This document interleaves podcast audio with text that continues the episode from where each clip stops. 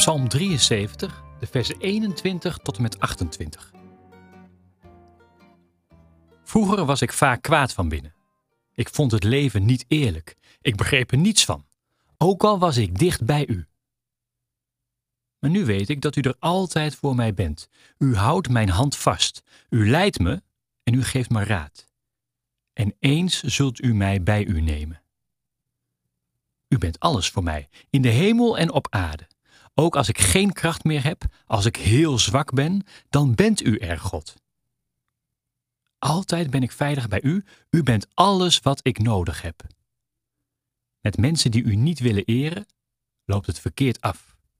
Iedereen die niet trouw is aan u, verdwijnt voor altijd. Maar mij beschermt u, Heer. Ik wil graag dicht bij u zijn, God. Ik vertel over uw goedheid overal.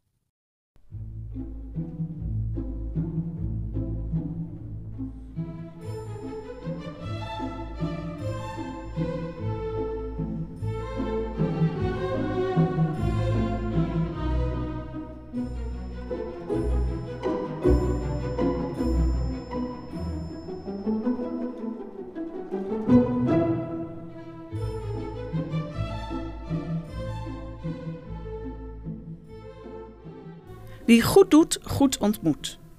Aan deze uitdrukking moet ik denken als ik Psalm 73 helemaal uitlees. De dichter vertelt dat hij altijd om hem heen zag dat slechte mensen er in het leven altijd beter van afkomen dan hij. En dat zijn mensen die niet eerlijk zijn voor anderen en zich van God nog gebod wat aantrekken. Hij piekert zich suf over hoe dat nu komt.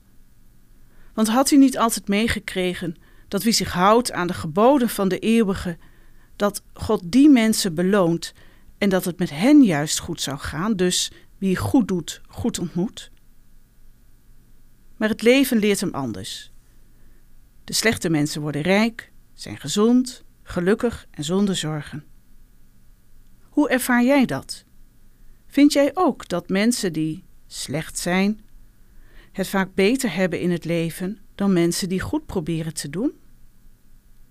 En ben je ook wel eens jaloers op het gemak waarmee anderen kiezen voor eigen voordeel ten koste van anderen? Ik begrijp het wel dat de dichter zegt dat het leven niet eerlijk is. Want voor heel veel mensen is dat ook gewoon zo. Je wordt ineens ziek, terwijl je toch altijd gezond geleefd hebt.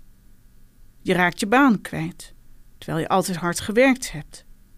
Een vriendschap wordt verbroken terwijl je altijd trouw was. De dichter worstelt met deze vragen en krijgt uiteindelijk antwoord als hij naar de tempel gaat. Daar krijgt hij het inzicht dat God uiteindelijk recht zal doen en dat het uiteindelijk toch slecht afloopt met wie kwaad doen. Toch is die afrekening met het kwaad niet het laatste, het belangrijkste wat gezegd wordt. Nadat de dichter heeft nagedacht over het leven, dat niet altijd eerlijk lijkt, nadat hij daarmee heeft geworsteld met zichzelf en God, komt hij weer uit bij zichzelf. En niet langer kijkt hij meer naar wat anderen doen, maar hij kijkt naar zichzelf en hoe God er voor hem is. Als een plek waar hij veilig is. Als een God die alles is wat hij nodig heeft. Deze ontdekking. Bij God heb ik alles wat ik nodig heb.